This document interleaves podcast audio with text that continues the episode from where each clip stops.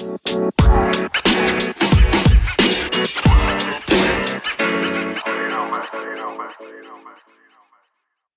datang, selamat bergabung di NVCase episode pertama. Selamat sore semuanya, apa kabar nih? Semoga baik-baik aja ya. Oke deh. Sebelumnya, perkenalkan nama aku Rana Dia Fadila. Teman-teman bisa panggil aku Dila. Aku seorang mahasiswi dari Universitas Trisakti, jurusan Teknik Lingkungan angkatan 2019. Nah, teman-teman, uh, mungkin ada yang belum tahu ya, NVCAS itu apa sih gitu. NVCAS itu adalah um, salah satu program terbaru yang dicetuskan oleh Departemen Kominfo Himpunan Mahasiswa Teknik Lingkungan Universitas Trisakti. Nah, NVCAS ini kesingkatan dari Environment Podcast. Jadi buat temen-temen nih yang pengen atau yang suka ngobrol-ngobrol tentang isu-isu lingkungan, cocok banget kalau kita diskusi bareng di live on Instagram saat ini gitu. Nah, uh, di NVCAS episode 1 ini spesial banget nih soalnya kita berkolaborasi dengan Universitas Presiden. Makanya narasumber kita pun dari Universitas Presiden. Nah, aku kenalin dulu untuk narasumber kita hari ini nih yang spesial banget. Ada Kak Anissa Rahma Anindita. Beliau seorang Vice Chairperson Puma INV Presiden University. Terus juga ada Kak Aura Rian Riumandina Aninditya Raharjo Putri atau bisa dipanggil Kak Aura. Beliau adalah seorang Head of Research and Development Division Puma INV Presiden University. Nah, um, untuk teman-teman, jadi kalau misalnya, Hai, halo Kak. Hai, halo Dila. Halo Kak Aura, Kak Ica belum SSN-nya. Kita tunggu deh. Oke. Gimana nih Kak kabarnya Kak? Alhamdulillah baik-baik. Gila gimana kabarnya? Alhamdulillah baik juga. Hai Ica. Halo Kak Ica. Halo. Suaranya gemah gak sih? Enggak kan? Enggak kok, enggak jelas-jelas. Enggak jelas kok Kak. Gimana nih Kak kabar Kak Ica dan Kak Aura gimana nih selama hampir kurang lebih 9 bulan lebih nih kita berdampingan dengan pandemi ini. Gimana nih kak kabarnya? Lu dulu boleh cak. Oh iya, Aku alhamdulillah baik sih. Terus juga sebenarnya ada ada saudara aku, sepupu aku yang tinggalnya di sebelah rumah dan positif. Tapi alhamdulillah oh. kemarin aku sekeluarga tes swab dan negatif semua alhamdulillah. Jadi so far sampai sekarang 9 bulan negatif sih dan sehat-sehat aja ini mungkin aura aku juga Kalau Aura baik-baik alhamdulillah baik walaupun 9 bulan ya di rumah aja hmm. gitu work from home alhamdulillah masih baik alhamdulillah deh ya Gila gimana Gila? Gila sehat kan? Alhamdulillah sehat sih kak. Hampir sama sebenarnya kasusnya sama keluarga dari Kak Ica. Justru ini malah orang tua aku yang positif. Oh alhamdulillahnya aku sama kakakku enggak tapi semuanya udah udah udah negatif semua nih udah aman alhamdulillah kalau gitu Oke, okay. ini kesibukannya lagi apa aja nih kak? Lagi pandemi online gini semua? Lagi gimana kita cak? Kita sibuk apa cak? Kita kita kelas paling rapat buat event, buat himpunan yeah. gitu aja sih sebenarnya. Gak ada lagi. Biasanya sambil nongkrong ya di iya, kosan yeah, kalau nggak di biasanya di gitu kan sambil makan okay, gitu ya. Deh. Tapi kalau sekarang di Zoom aja terus seharian. Hmm, betul banget. Seharian gitu. Depan laptop gitu ya, Kak. Kuliah online, rapat di online. Oke. Okay, Bener-bener. Gak jauh-jauh beda sih dari itu kayaknya kegiatannya. Ya, namanya hmm. juga mahasiswa ya, Kak ya. Betul sekali. Iya, pasti Dila juga. iya. Pasti nggak jauh beda ya Dila ya? Iya sih Kak, sama. Gimana nih Kak, um, kan tadi ngomongin masalah himpunan nih kak. Aku kepo deh. Di Universitas Presiden sendiri tuh mensiasati kondisi pandemi saat ini dengan proker-proker yang udah direncanakan tuh gimana deh kak? Coba kak iya oke. okay. dari aku dulu ya boleh nah, boleh sebelumnya izin kenalin diri dulu kalian takutnya ada yang belum kenal oh iya benar lupa. Maaf banget. Boleh dong. Halo semuanya. Kenalin aku uh, Ica. Kalian bisa panggil aku Ica aja. Nama panjangnya Anissa Rahmanin Gita aku angkatan 2018 di uh, PUMA. PUMA ini singkatan dari Presiden University Major Association atau kalau di kampus lain tuh disebutnya HIMA gitu, HIM himpunan. Nah, PUMA INV uh, menjabat sebagai VCP atau wakil ketua himpunannya. Nah, di sini ada teman aku Aura. Mungkin Aura boleh ngenalin diri, Ra? Boleh, thank you, Cak. Aku Aura, nama panjangnya Aura di Mandinda Tiara Putri. Tapi panggil aja Aura ya. Aura aku panjang uh, banget. kalau di Puma aku jadi head of division research and development atau jadi kadep deh kadep departemen uh, kepala departemen research and development kayak gitu oh, berarti ya petinggi petinggi semua ya kak Enggak dong, enggak dong. Ini mah dosen. Bener, rektor. Kita masih bener, bener. Kita masih, kita masih di bawah kita masih ya, di bawah. ya. ya Oke, yang tadi juga lanjut. Gimana, Kak? Oke. Jadi, kalau mensiasati, sebenarnya kita bentuk uh, Puma INV ini awalnya emang rencananya buat uh, himpunan yang offline gitu kan. Karena kita udah jadi udah jadi satu tim ini sebelum ada kabar pandemik di Indonesia. Jadi kita tuh kayak planning planningnya terus kayak orang-orangnya tuh siapnya sebenarnya buat offline kan. Karena emang semuanya juga belum pernah online kan kayak bikin event online terus tiba-tiba banyak banyak yang diubah lah gitu kan sistemnya. Kalau mensiasati awalnya tuh kita sempet sempet stuck ya maksudnya sempet diem dulu kayak mikir ini harus gimana nih? Kayak kita rapat bareng terus uh, langsung deh kita kayak brainstorm semuanya. Ini tuh harus gimana gitu kayak event ini jalan harus gimana? Ataukah ada yang harus tidak terlaksana tahun ini? Atau kayak di diganti. Sebenarnya ada event kita ganti jadi ada ada kayak event lomba untuk anak SMA gitu lomba dan seminar tapi kita gantinya ke talk show. Jadi si kegiatan lomba ini untuk tahun sekarang ditiadakan. Terus kayak sempet stuck mikir kaderisasi online gitu. Kaderisasi online kayak gimana kan bingung juga kan. Kayak iya, gitu bener. sih sebenarnya mensiasati dengan brainstorm bareng-bareng sih lebih tepatnya kayak gitu mungkin singkatnya. Mungkin dari Aura ada tambahan bener banget yang tadi kata Ica sih Del kalau di kita ada yang ada yang kita switch ada yang kita tiadakan ada yang kita adakan gitu ya Ca ya. Dalam waktu kalau nggak salah sebulan itu ya Ca kita mikir aduh gimana ya ini tujuannya harus sama tapi eventnya beda gitu. Acaranya beda tapi tujuannya sama. Gimana ya caranya gitu. Sebulan ya Ca ya kalau kalau nggak salah kita mikirnya gitu ya. Kayak iya. mandat sebulan itu Maret ya Iya, Maret ya. Iya benar di Maret itu. Jadi agak ke postpone juga beberapa acara gitu. Tapi kayak ya udahlah mau gimana lagi karena yang yang terdampak juga bukan kita doang kan. Himpunan lain yang perkantoran juga universitas lain juga kena kayak gitu. Kalau dari uh, Trisakti sendiri kayak gimana tuh menghadapi pandemi kayak gini?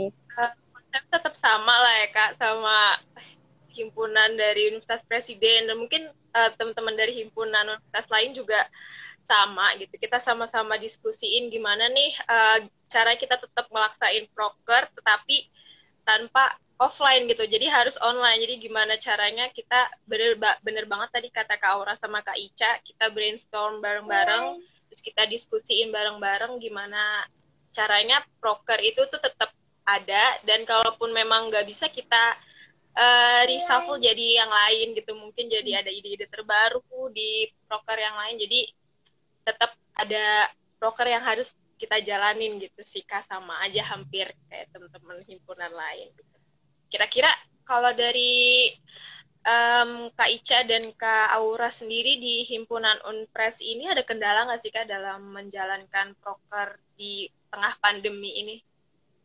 Hmm, boleh, Kak Ica dulu. Boleh ya. Mungkin kendala pertama kayak gimana sih caranya konsepnya tuh konsep online tuh berjalan tuh gimana gitu. Kayak kayak tujuannya bisa berjalan terus dengan konsep online tuh kayak gimana. Itu mungkin kendalanya kayak mikirin uh, nanti tuh harus kayak gimana gitu intinya. Agak-agak bingung awalnya kan. Terus juga uh, paling kayak masalah apa ya keharmonisan gitu. Jadi kan kalau kalau ketemu langsung kan bisa nongkrong, bisa bisa sapa-sapaan bareng, bisa makan bareng. Kalau online kan ketemunya cuma pas meeting doang, terus jenuh. Jadi kayak kayak apa ya? kayak kurang kurang komunikasi juga sama satu sama lain gitu kan tapi alhamdulillah uh, so far nggak nggak terlalu banyak kendala sih ya Ra. Iya, alhamdulillah. jalanin aja gitu alhamdulillah lancar Paling hampir sama mungkin Aura ada tambahan Hmm, mungkin eh maaf ya agak sedikit berisik. Tapi kedengeran kan suara aku? Kedengeran kakak ada ada. Mungkin tambahan dari aku kayak kendalanya dari komunikasi kali ya. Kayak agak susah kan kita kan jauh nih kan. Jauh ada yang di pulau sana pulau sini dengan waktu yang berbeda kan. Di saat kita punya acara yang sama tapi waktunya berbeda itu sih agak kendala. Hmm. kalau kalau dari aku pribadi gitu tuh. Tapi so far sampai detik ini sampai udah mau beres ya kita cak keputusan kita alhamdulillah masih bisa ditangani kayak gitu. Paling yang struggle-nya hard itu yang itu sih komunikasinya gitu. Karena kan semua orang punya kepentingan masing-masing ya kan? Nggak cuma himpunan doang nggak cuma kuliah doang kayak gitu. Kalau Dila sendiri gimana tuh? Iya, nggak jauh-jauh sih Kak. Pasti alasan apa kendalanya itu ya kalau nggak kesibukan mereka masing-masing tuh yang suka bentrok terus atau enggak ya Kak betul tadi Kak. Sama banget kasusnya sama yang di yang dikasih tahu ke Aura itu kayak yang di beda pulau yang susah, susah banget cari sinyal. Itu tuh kita harus tentu banget ini gimana caranya uh, mereka tuh tetap bisa tahu uh, rapatnya lalu ikut serta di tiap acaranya. Pokoknya ya mensiasatinya ya semuanya serba online lah. Pokoknya gimana deh kak? Harus sabar-sabar ya kalau online kayak gini. Sabar harus saling mengerti okay. kondisi satu sama lain. Benar kak. Nah kak kan uh, kakak ini kan salah satu uh, anggota himpunan juga nih kak di Unpres ya kan? Kalau misalnya nih uh, kakak ada kepentingan nih kak di saat kan kita udah lama banget nih kak udah nggak ke kampus. Kakak kalau misalnya mungkin kakak pernah nih ada kesempatan ke kampus di saat pandemi seperti ini nih terus apa sih kak pertama kali yang kakak lihat di kampus kakak itu mungkin dari segi lingkungannya apa ada yang ada yang berubah atau gimana tuh kak oke oke oke dari aku dulu nih boleh boleh silakan cak oke jadi ini selama pandemi kan ya? Iya boleh. Selama pandemi kalau misalnya kakak belum sempat ke kampus mungkin setelah eh, sebelum pandemi gitu. Boleh diceritain kak? Oke. Kalau selama pandemi, alhamdulillah aku pernah beberapa kali ke kampus sama kosan juga karena kan mau check out kosan kemarin tuh bulan September. Nah, terus juga kemarin lagi ngurusin akreditasi jurusan kan, jadi harus ke kampus juga bantu-bantu dosen buat kayak buat video uh, fasilitasnya dan segala macem. Kalau kalau lingkungan pertama berubah jujur kayak udaranya sih karena kan emang mungkin pada WFH ya di di Cikarang tuh kan aku di Cikarang jadi pertama udaranya udaranya agak agak beda sih dibandingkan yang hari-hari uh, sebelumnya hari-hari di mana kita kan belum pandemik gitu kayak motor mobil banyak juga kalau kemarin tuh sepi banget ya sepi banget dan dan udaranya sejuk juga kayak gitu sih terus kalau dari kampusnya sendiri tampilannya yang beda apa ya paling kayak di depan kalau kalau lingkungan lingkungan sekitar kampus ya ada tempat cuci tangan gitu ada hmm. ada berapa ya ada lima ada lima dan dan nggak nggak menyentuh gitu. Sistemnya bukan tempat cuci tangan yang dipegang. Jadi airnya tuh keluar kalau kita injek kayak uh, pedal gas mobil kayak gitu. Jadi agak agak bagus ya agak berinovasi gitu. Terus juga apa ya? Yang intinya sepi sih. Sepi banget benar-benar sepi. Paling itu sih. Kalau dari Kak Aura gimana nih Kak? Kalau aku terakhir ke kampus sekarang itu kapan ya? Kalau gak salah Juni ya Juni terakhir aku ke sana. Waktu itu aku mau check out kosan. kosan ya? Iya benar. Check out kosan itu Juni. Abis itu nggak pernah sana lagi dan pas aku sana Juni tuh udah ada yang tadi kata Ica apa cuci tangan yang kita nggak usah nyentuh si kerannya gitu. Itu sih paling sama bener sepi jalanan juga sepi karena waktu kan masih Juni Juni kan masih tinggi kan covid kan jadi masih orang masih banyak uh, apa namanya WFH-nya masih banyak gitu waktu Juni itu. Jadi abis itu aku nggak pernah ke sana lagi sih belum pernah ke sana lagi. Mungkin nanti kali ya Januari kayaknya. Kalau iya. kalau ada kemudahan aku bakal ke sana gitu iya benar nah nih kak kan tadi uh, pas pandemi nih sebelum pandemi aku pengen tahu deh kak kondisi lingkungan sekitar Universitas Presiden tuh gimana sih kak? Kan yang uh, yang kita tahu nih lokasi uh, Unpres sendiri kan dekat dengan kawasan industri Nah, uh, kira-kira ada nggak sih kak perbedaan uh, lingkungan yang ada di sekitar kampus dengan yang dekat dengan kawasan industri dengan yang tidak dekat dengan kawasan industri menurut kakak dari perasaan kakak sendiri gimana nih? Dari Kak Aura dulu deh coba. Oke, oke. Gantian. Oke, oke, makasih. Jadi kalau kalau menurut aku ya ingin tahu ya kok Cikarang itu kan banyak pabrik-pabrik ya kan, operasi banyak pabrik gitu. Memang memang kondisi udaranya atau kualitas udaranya tidak sebagus di daerah-daerah lain mungkin ya. Cuman uh, karena dari mungkin dari si kampusnya juga atau dari pemerintah Bekasinya juga ya mereka tuh di kampus itu banyak-banyak pohon gitu ya cak. Jadi walaupun emang panas gersang juga iya tapi di sekelilingnya atau di setiap jalan tuh ada pohon-pohon gitu dia jadi uh, sedikit agak terapa ya ter ternetralisir kali ya terobati. iya terobati gitu. Jadi walaupun teduh walaupun teduh tapi panas gitu panas tapi teduh. Gimana ya ngomong ya pokoknya emang panas tapi ada pohon-pohon jadi sedikit agak teduh lah gitu. Terus emang kan kalau emang di pabrik deket pabrik gitu kan Indonesia kan emang gak usah dipungkiri ya. Kalau udaranya ya kita harus tahu diri juga lah pakai masker kayak gitu. Atau mungkin kalau aku biasanya aku sama Isya suka pakai topi gitu karena panas banget ya cak apalagi kalau kuliah siang kalau kuliah jam 2 itu ya Allah panas banget. Topi mancing ya? Bener, topi, topi mancing. mancing itu adalah uh, andalan kita gitu, pakai topi mancing atau enggak bawa payung sama pakai masker karena kalau pakai masker kan buat ini ya asap kendaraan juga di sana banyak gitu lalu lalang kendaraan. Kayak gitu sih sebenarnya. Banyak orang kayak ih sekarang panas ya. Iya panas tapi balance juga sih sama pohon-pohonnya gitu.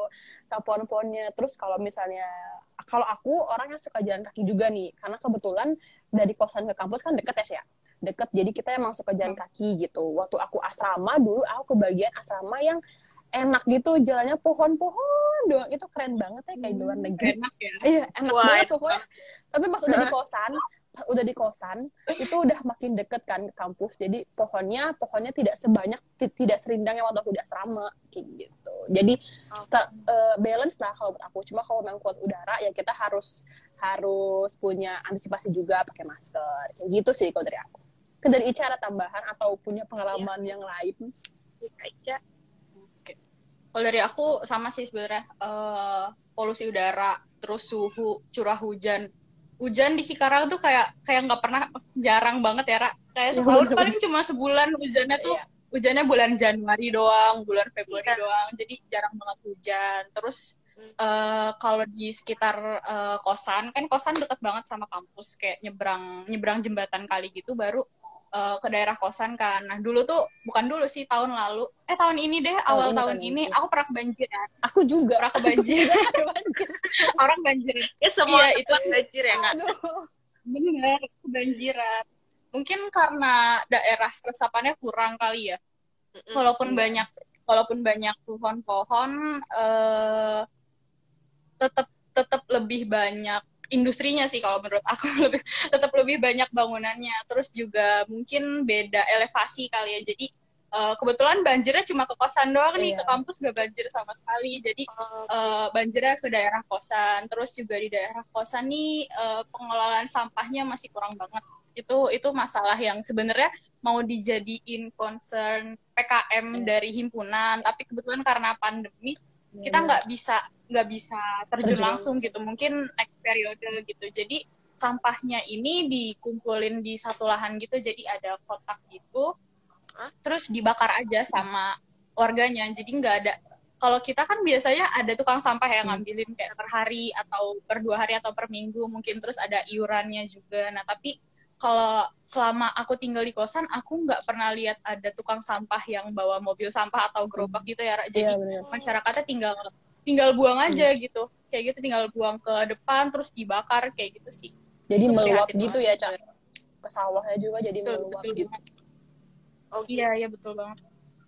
Baik baik. Gitu berarti uh, sebelum aku lanjutin bahasan kita nih kak aku pengen uh, ingetin dulu ke teman-teman bagi teman-teman yang pengen tanya-tanya nih ke Kak Auli, Kak Aura atau Kak Ica boleh banget ya uh, tanya-tanya di kolom komentar nanti kita bacakan terus kita diskusiin bareng deh.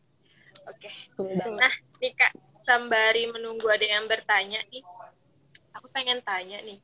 dari Kak Aura dan Kak Ica sendiri, uh, pernah nggak sih ngerasa da dampak yang uh, kurang mengenakan dari uh, selama kakak uh, belajar uh, di kampus itu misalnya nih kan Kak Aura tadi pernah uh, asrama ya Kak Ica juga mungkin pernah asrama pernah nggak sih Kak ngerasa terganggu dengan adanya uh, dengan kondisi lingkungan yang di sekitar kawasan industri tersebut gitu.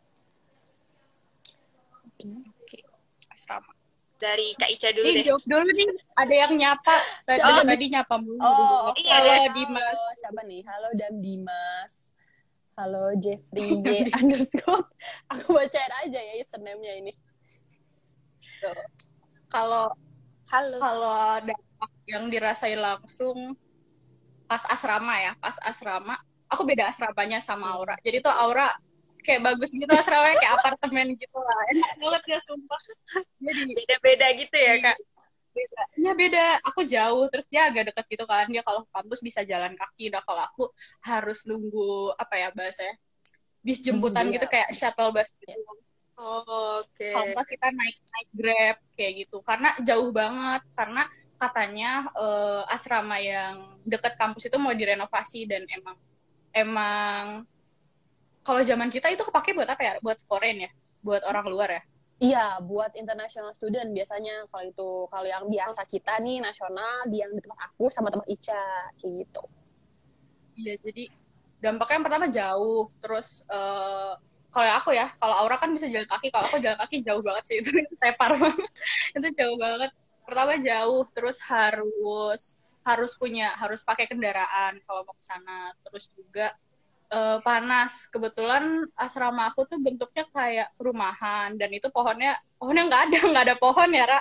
Iya. NBH kan jarang banget pohon terus panas banget itu sih sebenarnya keluhan utama di Cikarang panas polusi dan juga jarang hujan itu aja sih kalau dari Hmm. aku selama selama di asrama mungkin Aura ada tambahan Kalau aku karena tadi beda ya case-nya Ica kan di yang agak tempat jauh. Kalau aku tadi makanya aku bilang aku suka jalan kaki waktu asrama karena eh, jalan dari asrama aku ke kampus tuh enak banget kayak di luar negeri gitu. Jadi pinggir-pinggirnya tuh pohon-pohon ya Cak ya. Kalau di Elvis tuh ya. Jadi ada namanya Elvis kalau kalau Ica namanya NBH gitu. Kalau aku karena aku kebetulan kan aku dari Bogor yang udaranya dingin ya kan terus mas pas sampai ke Cikarang itu kok ya Allah panas banget ya gitu.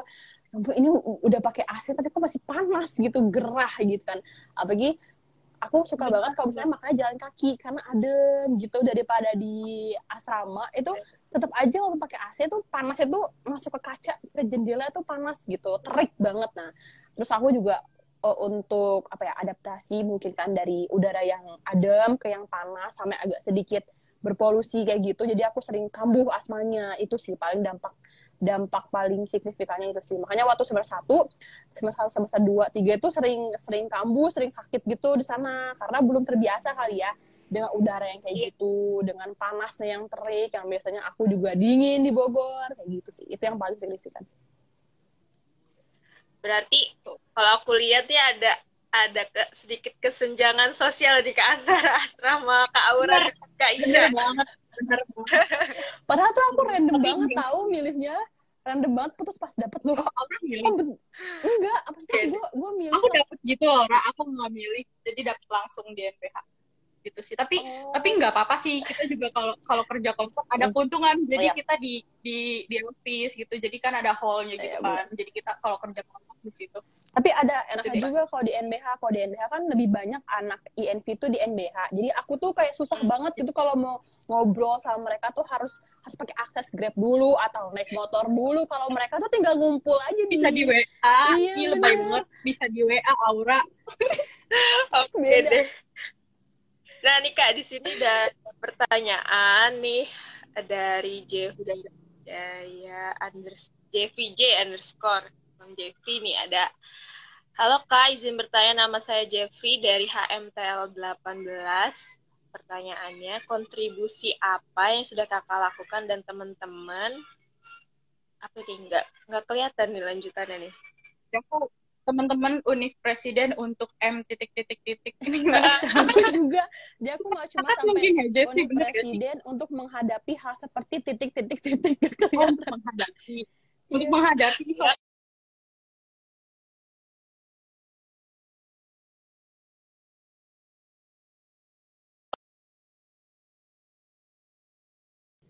pertanyaannya dari untuk mungkin ya. Iya, untuk menghadapi hal seperti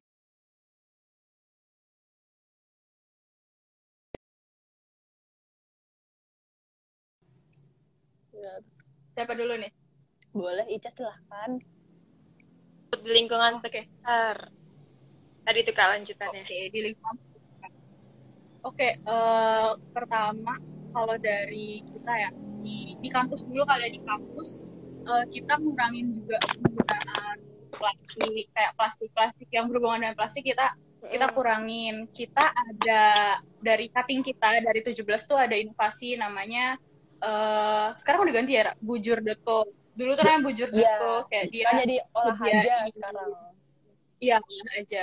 Jadi dia sediain eh apa namanya dispenser dispenser gitu di area di area kampus. Jadi kita tinggal bawa airnya, terus kita bisa masukin uang eh apa ya seikhlasnya gitu ya, Ra, buat Iya, bantuin mereka juga buat bantuin demi melestarikan lingkungan. Itu yang pertama kita kita punya startup juga dari cutting. Nah, terus yang kedua eh kalau aku pernah apa ya bahasanya kayak PKM jadi semester 3 ini kita full ada PKM tapi kalau di kampus kita ini namanya Step Pro. Nah eh, saat itu aku sama kelompok aku sama tim aku kayak bikin penyuluhan sama sosialisasi sekalian aksi juga itu tuh temanya tentang ekobrik jadi kita kita kumpulin sampah plastik di sekitarnya di sekitar tempat tempat kita PKM itu benar-benar kita kumpulin di hari itu juga kita cuci kita keringin baru kita gunting-guntingin kita masukin ke botol plastik terus kita kayak jadiin kursi meja gitu buat masyarakat yang nongkrong jadi Oke. jadi dipakai langsung gitu. jadi di saat itu juga kalau aku so far itu sih tapi kalau dari himpunan untuk periode kita eh, jujur ya jujur jujur belum ada aksi ke masyarakat karena si pandemik ini jujur sedih banget sih karena karena emang goals kita tuh tadinya pengen pengen memberhasilkan si PKM ini Benar. untuk eh, concern sampah di daerah kosan ya di daerah sekitar kampus tapi sayangnya nggak bisa jadi kita ganti sistemnya ke webinar gitu kalau Hmm. tahun ini kalau kalau sebelum sebelumnya itu sih mungkin dari Hmm. Aura ada tambahan kalau ya aku mungkin ada tambahan sedikit yang tadi sama di semester 3 juga jadi aku sama Ica tuh kebetulan beda kelompok gitu. Jadi kalau Ica lebih kayak bikin eco brick kalau aku kerjasama sama salah satu startup ini zero waste change kayak gitu. Jadi kita ke salah satu Hmm. desa di Cikarang juga. Terus kita dalam waktu berapa hari ya? Kalau nggak salah tiga empat hari itu kita tuh kumpulin sampah. Jadi kita ngasih dulu kayak tong-tong sampah gitu ke mereka kalau nggak salah ada 5 atau 10 tong sampah gitu terus kita kasih ke mereka.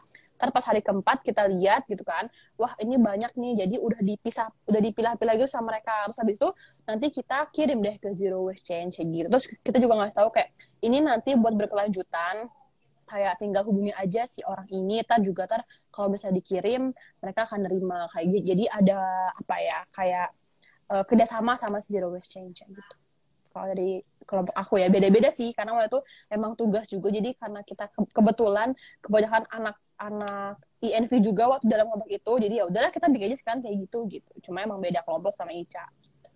Dan untuk himpunan juga emang sih emang agak ya kenapa? secara nggak? eh, Kak Aura dan Kak Ica dan beserta teman-teman dari himpunan Unpras ini sudah apa ya mengajak masyarakat juga ya untuk partisipasi dalam eh, berhidup dengan ramah lingkungan gitu ya Kak. mencoba kita mencoba Aku mau dulu sih. dikit, boleh boleh boleh. Boleh Bang. Eh, itu baru mungkin baru yang kita angkatan 18 lakuin. Sebenarnya dari 16 17 udah pernah ada PKM juga tapi biasanya lebih lebih gabungan gitu sama dosen. Jadi kayak dosen ngasih materi terus eh, 16 sama 17 yang action kayak gitu. Terus tadi dari olah aja selain ada penyediaan air minum kayak galon-galon gitu sekarang juga mereka baru nerbitin apa ya eh, semacam tong sampah kayak e-waste gitu. Jadi nanti kita bisa masukin si e-waste ini dengan sensor-sensor gitu. Ada sih tapi itu Wow. ditaruh cuma di daerah kayak gitu sih di gedung keren Oke. banget sih Itu Kak. yang yang terbaru ya saya, yang e-waste itu, electronic waste itu. betul betul baru Kalau boleh tahu itu eh, apa namanya programnya itu eh, ada kerjasama dari instansi lain atau dari Unpres sendiri aja nih Kak yang ber menjalankan program ini. Yang mana nih yang yang yang- tadi? Iya. aja ya Oh, Iya tadi. Oke. Kalau setahu aku ya karena ini eh, pure buatan mahasiswa jadi bukan himpunan, bukan tugasnya himpunan, pure buatan mahasiswa. Jadi ada ada Kak Kevin sama Kak Haikal. Terus eh, di kampus itu kayak ada program mengenai startup. Jadi mereka ikutan ikutan si program ini dan dan sampai sekarang masih berlanjut gitu kayak gitu sih. Iya, betul. Oke. Jadi ada dua mahasiswa mahasiswa di INV kayak gitu dan yang kalau kalau tidak salah ada berlima kalau, kalau tidak salah ya kalau tidak salah ada berlima dan itu ada, dari be- dari beberapa univ lain gitu dua di antara dari kita Yes. gitu. Oke, keren banget sih Kak.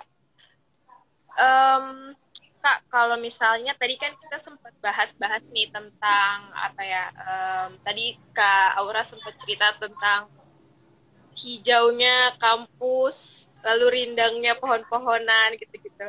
Nah, dari dari pihak kampus Universitas Presiden sendiri itu ada nggak sih kak tindakan preventifnya untuk eh, mencegah apa ya dampak-dampak buruk nih dari eh, dekatnya kampus dengan kawasan industri? Itu ada nggak sih kak kayak misalnya em, himbauan untuk tidak memakai kendaraan pribadi jikalau tidak terlalu mendesak atau giatnya penanaman pohon atau gimana tuh kak? Ada bisa sharing-sharing tuh kak? Oke. Boleh dari siapa dulu? Coba dulu. Dari kak Ica dulu. dari aku dari aku kalau kampus nih ya kalau kampus penglihatan aku tindakan kayak eh, aksi nyata aku aku belum belum terlalu terlalu ngelihat sih ya belum terlalu ngelihat kayak tindakan nyata langsung gitu tapi kalau himbauan-himbauan ada eh, semacam pengurangan plastik di daerah kampus terus juga apa lagi ya itu dia pokoknya setahu aku kalau tindakan nyata belum ada ya Ra? belum belum ada mungkin tahun Mungkin ini ada, cuma- eh, kebetulan bener. kebetulan kayak mau apa ya lagi ada kita ada project nih project uas dan concernnya ini tentang green campus ya Ra, yang Iya, serinjal ini betul. mungkin nanti kita mungkin dijadikan apa ya bukan pencetus sih nanti kita bawa project kita ini ke kampus buat eh, membuat kampus kita masuk ke green campus ini green campus yang UI gitu. kayak gitu sih kalau Hmm. kalau nyata banget mungkin ada tapi aku kurang melihat ya mungkin belum tahu juga kayak gitu sih Hmm. bener gak sih Ra?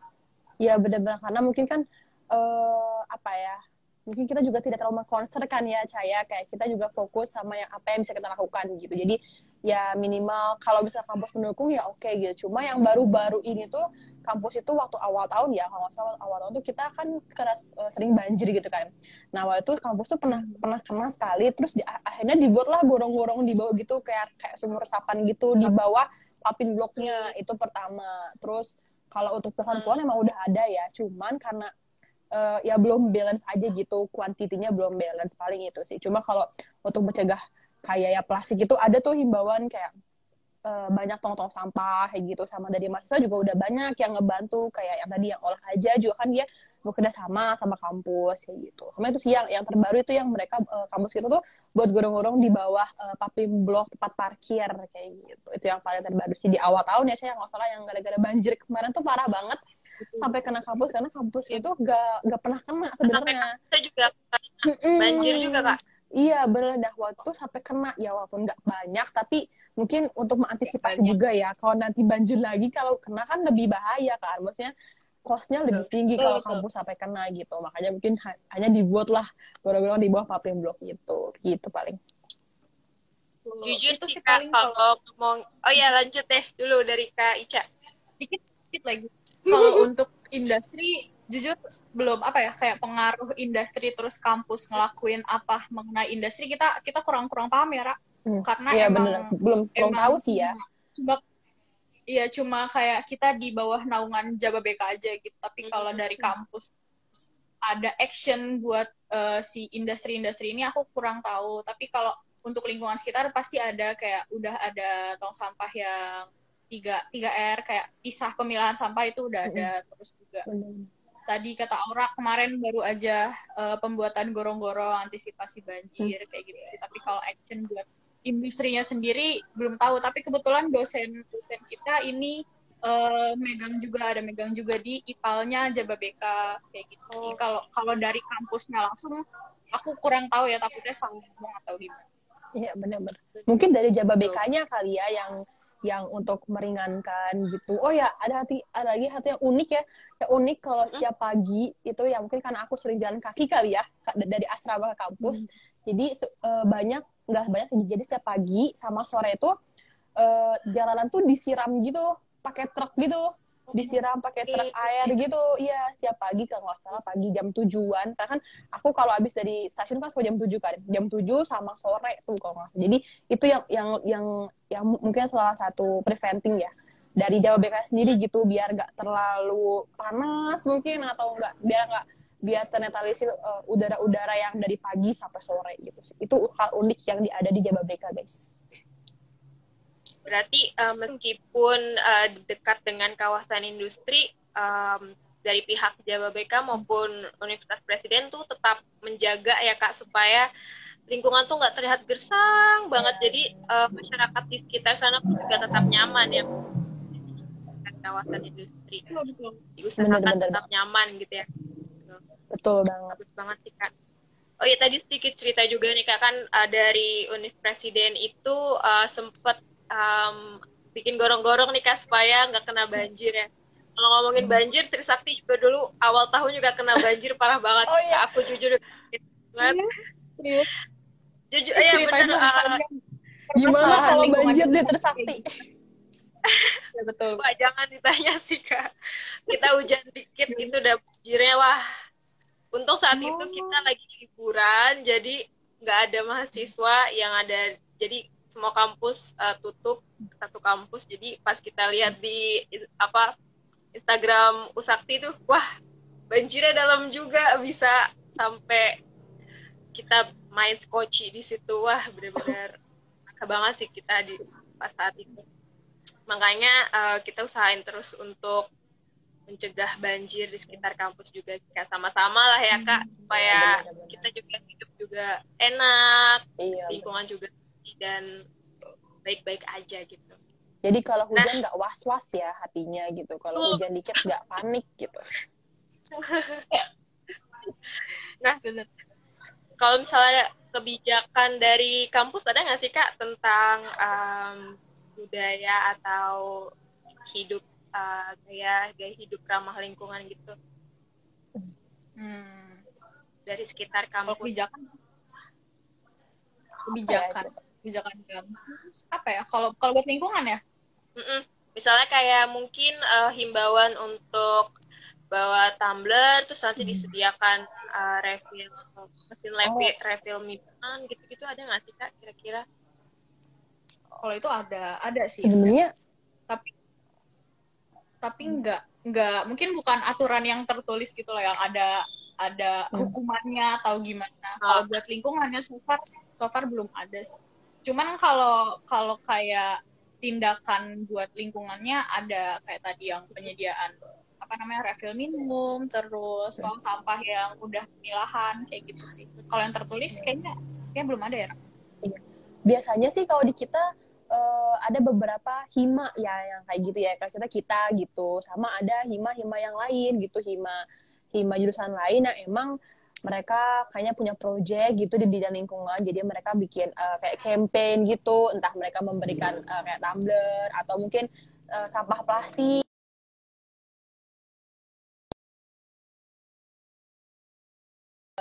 Kolaborasi antar himanya gitu. Ya ada juga sih. Betul bagus banget berarti ya. Kalau um, dari kalau dari hima unpres sendiri nih kak cara pengelolaan ada nggak sih kan uh, sistem atau cara pengelolaan sampah di sekitar kampus itu sendiri? Hmm. Coba dulu nih, Aura atau aku? Boleh, boleh. Uh, ah. dulu.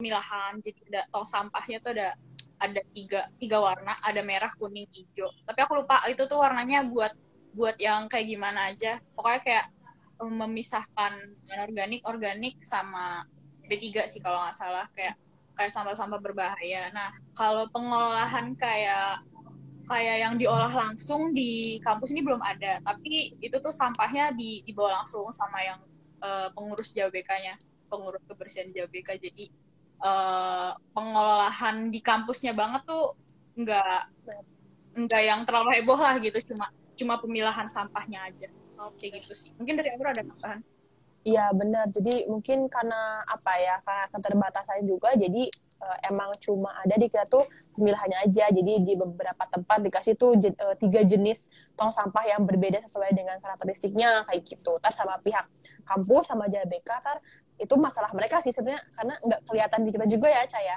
Jadi mungkin uh, dibawa langsung sama pihak JBK-nya untuk di, uh, diolah kayak gitu.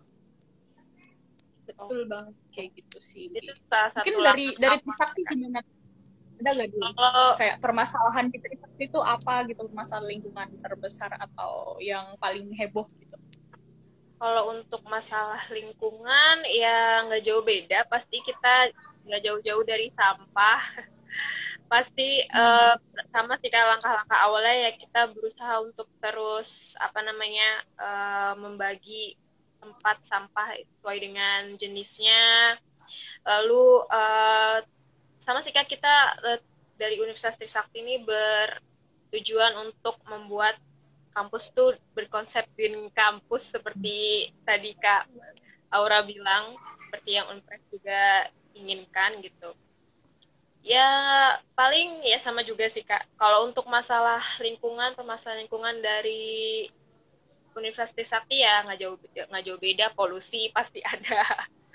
Terus uh, panasnya suhu di sekitaran kampus itu juga ya karena kita kan juga berada di eh, tengah-tengah uh, kota nih kak yang semua aktivitas perkantoran lalu kegiatan belajar mengajar di kampus semuanya kumpul jadi satu transportasi. Dan menurut kami pun wajar aja gitu di perkotaan hal tersebut terjadi gitu. Jadi ya dampak yang buruk pun juga kena kena juga di sekitaran kampus gitu. Jadi gimana caranya mahasiswa tetap mensiasatinya dengan ya usahakan tetap menggunakan transportasi umum lalu menggunakan masker supaya benar tadi kata Kak Ura dan Kak Ica uh, pakai masker supaya nggak kena debu segala macam. Ya begitu sih Kak kira-kira.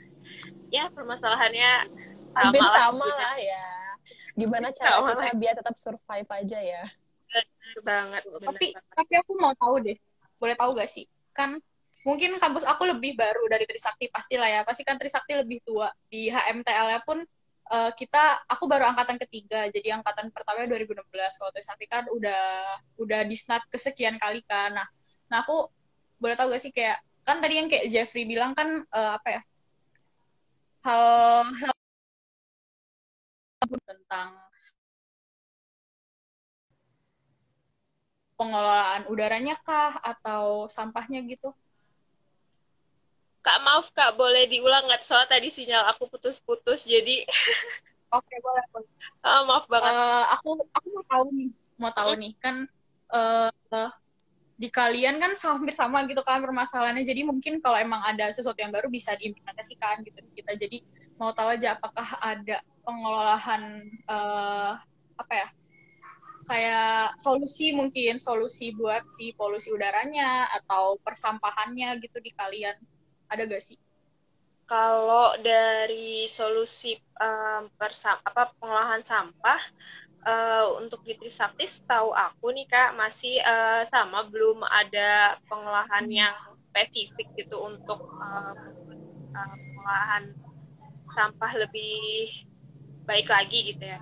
Cuman kalau misalnya uh, dari segi um, tindakan pertama ya pasti kita sama aja sih kan masih memilah-milah lalu benar tadi kata uh, aku tadi sempat pengen uh, mention tentang uh, program dari yang Aura sebut yang EcoBrick uh, sempet tuh kita di uh, uh, di TL Trisakti itu kumpulin nih sampah-sampah bareng terus di kita padetin terus kita bikin eco brick buat tempat duduk atau uh, apa pun. Jadi um, kita berusaha tetap gimana caranya mengelola meskipun gak ada pengolahan sampah yang uh, advance gitu ya kak mesinnya segala macam tapi ya mungkin secara manual dulu lah kak kita kayak bikin tadi eco brick lalu pilah-pilah hmm. sampah kayak gitu-gitu sih kak. Aduh cat deh. Santai santai. Tenang tenang tenang. Reko. Oke deh kak. Nah kan tadi kita udah bahas di sekitaran kampus nih kak. Kita ada melebar sedikit boleh nggak nih kak? Boleh kan, boleh boleh.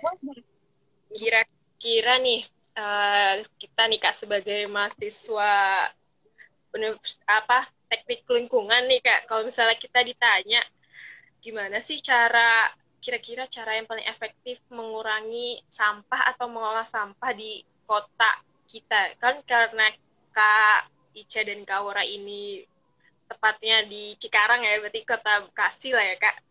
Kira-kira gimana sih kak e, cara yang efektif buat mengolah sampah di Bekasi? Hmm, pertanyaan menarik ya cak. Menarik banget. Siapa dulu nih? Boleh silakan Ica dulu. Oke, kalau dari aku nih ya, uh, Bekasi. Kalau di Bekasi, hmm, so far aku belum tahu ya kayak sampah major dari Bekasi ini apa mungkin aku kelompokin jadi uh, organik sama sampah plastiknya dulu kali ya kalau B3 kan aku nyaraninnya B3 tuh kayak ya kalian simpen terus nanti kalian salurin ke uh, ranah kayak USJR hmm. itu kan nanti kita dijemput kan sama kita nanti kirimnya tuh ke orang-orang yang emang udah punya apa ya udah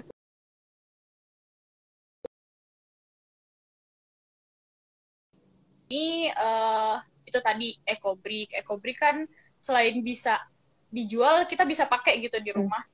Kita ngumpulin plastiknya sendiri terus botol-botol walaupun lama walaupun susah daripada dibuang gitu kan. Itu kan buat lingkungannya jahat banget karena kan susah ke degradasinya. Hmm. itu satu ekobrik nah yang kedua ini jujur aku lagi interest banget sama produk-produk uh, lelehan plastik. Hmm. jadi nih si plastik ini dilelehin terus kayak dicetak gitu. Bisa buat meja kursi terus ada aksesoris kayak anting kalung kayak gitu. Jadi jadi ada cetakannya gitu jadi bentuknya kayak apa ya motifnya kayak marble gitu tahu hmm. marble kan kayak yeah, yeah. kayak yang abstrak gitulah jadi lucu gitu cuman emang butuh effort lebih untuk uh, pelelehan dan pencetakannya itu sendiri nah kalau kalau dari apa namanya organik ini aku lebih prefer ke kayak apa ya pembuatan pupuk sih karena kan organik ini uh, sampah yang bisa bisa terdegradasi dengan sendirinya kan. Kalau kita diamkan aja di tanah kan emang bisa hilang gitu kayak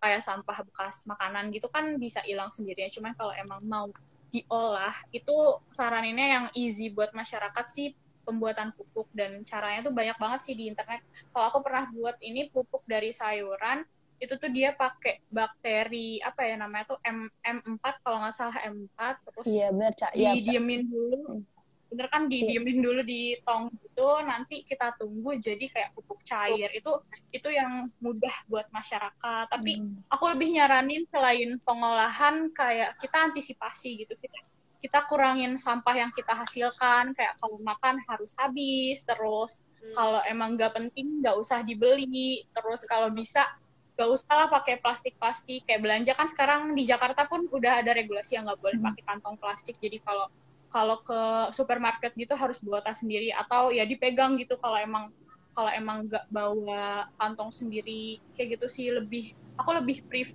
orang yang lebih prefer mencegah dibandingkan pengolahan karena pengolahan jujur agak-agak ribet ya hmm. gitu kan. Melewati beberapa proses. Jadi kalau kalau antisipasi ya itu dari diri kita aja nahan-nahan gitu. Kalau emang nggak penting banget ya nggak usah dibeli. Hmm. terus itu tadi sih makan harus habis kayak gitu sih mungkin dari aura hmm.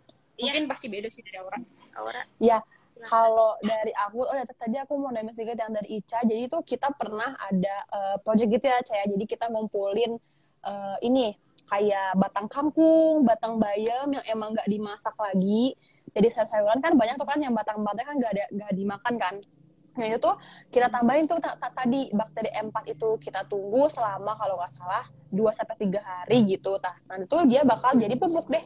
Jadi kemarin tuh kita punya project sama anak kelas, kita ngumpulin uh, sayur-sayuran kayak gitu. Jadi yang di pasar-pasar kan banyak ya, yang diambil kan cuma daun-daunnya doang kan. Sedangkan batangnya sayang gitu mau dikemanain akhirnya kita pakailah itu gitu. Salah satu inovasi dari anak INV juga angkatan 18 jadi kita pakailah itu caranya biar oh ternyata bisa juga ya. Kita pun baru tahu ya Cah ya.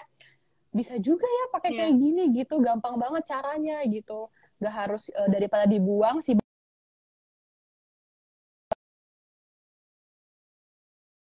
aku sendiri gimana ya karena aku juga kan masih kita manusia masih menggunakan plastik ya at least sedikit sedikit pasti pakai gitu kan. Cuma kalau dari aku gimana caranya kita reuse sih kalau aku lebih ke reuse. Jadi kalau yang tidak mengandung uh, bahan uh, infeksius kayak gitu kalau nggak berbahaya itu lebih lebih baik kita cuci dulu. Kalau aku biasanya kalau misalnya aku beli botol botol minum yang plastik terus ada ada beberapa kan tuh kan misalnya ada ada empat ada lima gitu satu aku rendam dulu dia aku rendam dulu sampai uh, sampai bersih gitu. Nah, itu bisa aku pakai buat mungkin tempat pensil kayak gitu. Jadi aku lebih suka di reuse sih. Tapi ya yang reuse juga yang masih masuk akal dan yang tidak mengandung bahan-bahan berbahaya gitu. Kalau misalnya yang kayak plastik itu plastik biasanya aku juga rius tapi ya gak boleh lama-lama juga kan kalau plastik yang kresek gitu kan. Sama tadi sama Kaica kayak udah mulai uh, bawa-bawa tote bag aja deh gitu tote bag atau kayak sling bag kayak gitu. Jadi kalau ke mana-mana lebih enak kan kan lebih keren juga kan kayak karena sekarang tuh udah mulai malu gak sih bawa-bawa plastik? Ya kan? Karena udah mm-hmm. banyak orang yang kayak ngejual uh, tas apa ya tas tote bag gitu yang lucu-lucu kan entah buat main entah buat belanja kau udah keren kan. Malah sekarang orang kayak ih mas, masih pakai plastik malu deh. Jinjing jinjingnya tuh malu kan keluar supermarket. Ya Allah masa ke supermarket masih pakai plastik? Gitu kan. Kadang-kadang uh, mungkin lupa kayak gitu kan. Atau mungkin karena buru-buru gitu jadi lupa nggak bawa tote bag kayak gitu. Paling kalau dari, dari aku lebih ke reuse. Jadi harus dipilih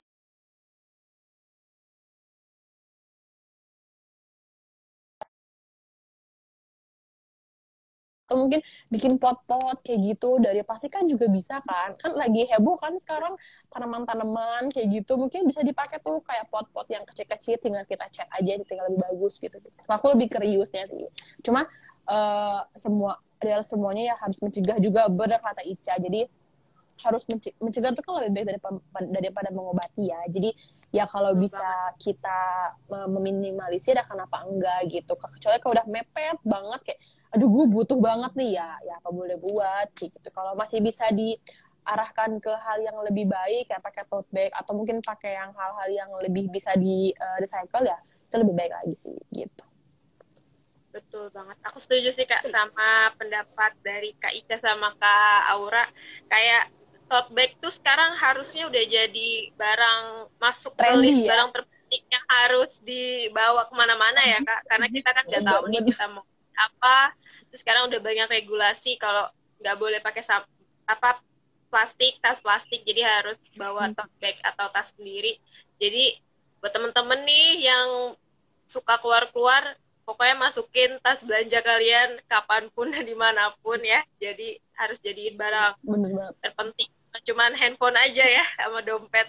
Sekarang udah mulai bener bener bener. Bener, bener sih kak udah trendy sama juga kan ya sekarang. Iya betul. Iya harus jadi banyak tas-tas tote bag lucu buat belanja-belanja di supermarket. Hmm. jadi bisa pakai uh, tas plastik lagi gitu ya.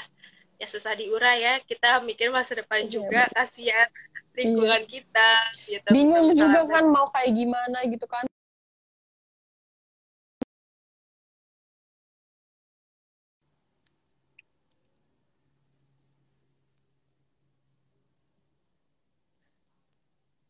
satu jam iya. nih. Wow, satu uh, mati. Bentar lagi mati nih jangan-jangan. Gak kerasa nih kak kita udah ya, jangan-jangan. waktu nih kak. Waduh, terima kasih banyak banget sudah menyempatkan waktunya untuk NVCast episode pertama nih kak perdana wow, nih dari keren banget HMTL Makasih banyak kan sudah hadir, sudah mengisi uh, jadi yep. pembicara di NVCast pertama. Sukses selalu Kak, sehat selalu. Sehat selalu juga di sukses terus untuk KMPL yeah. Sakti juga ya. Amin. Terima kasih. Makasih juga uh, sudah apa ya. Aku juga mau ngucapin makasih dari UMA INV uh, Press Unif kayak apa ya? Ini episode pertama gitu kayak yeah. tersanjung aja kita diundang yeah. jadi tamu undangan yang pertama gitu. Jadi semoga programnya berkelanjutan, lancar programnya. Semoga ke depannya uh, ketemu narasumber yang lebih boom lagi daripada kita sih. Makasih. Betul banget. Semoga terus menyebarkan ke ini ya uh, manfaat terus ya. Amin. Amin. Betul banget. Amin. Ini pembicaranya seru banget sih Kak. Terima kasih banyak sudah hadir. Sukses selalu Kak. Amin, amin. Dila amin, juga ya. Amin. Dila juga sehat selalu ya. Amin, amin, amin. Penonton yang di rumah juga harus sehat selalu ya. Semangat ya. terus yang lagi kuliah, yang lagi skripsi. Betul. Terima kasih sekian orang sudah setia sampai sekarang. Iya, iya terima kasih banget. banget. Seleksi alam ya, seleksi alam. banyak yang keluar, banyak yang masuk. Dan ini yang bertahan. Terima kasih sekali, Wow. Keren banget deh ini penonton kita juga hari ini. Terima kasih banyak untuk teman-teman yang udah bergabung di NVCast episode pertama. Nah, aku juga pengen ingetin lagi untuk teman-teman yang mungkin tadi uh, ketinggalan nih obrolan kita dari awal, teman-teman bisa dengerin langsung di Spotify-nya HMTL Usakti dan uh, ditunggu untuk apa untuk uh, episode-episode selanjutnya. Aku selaku moderator mohon undur diri. Terima kasih banyak.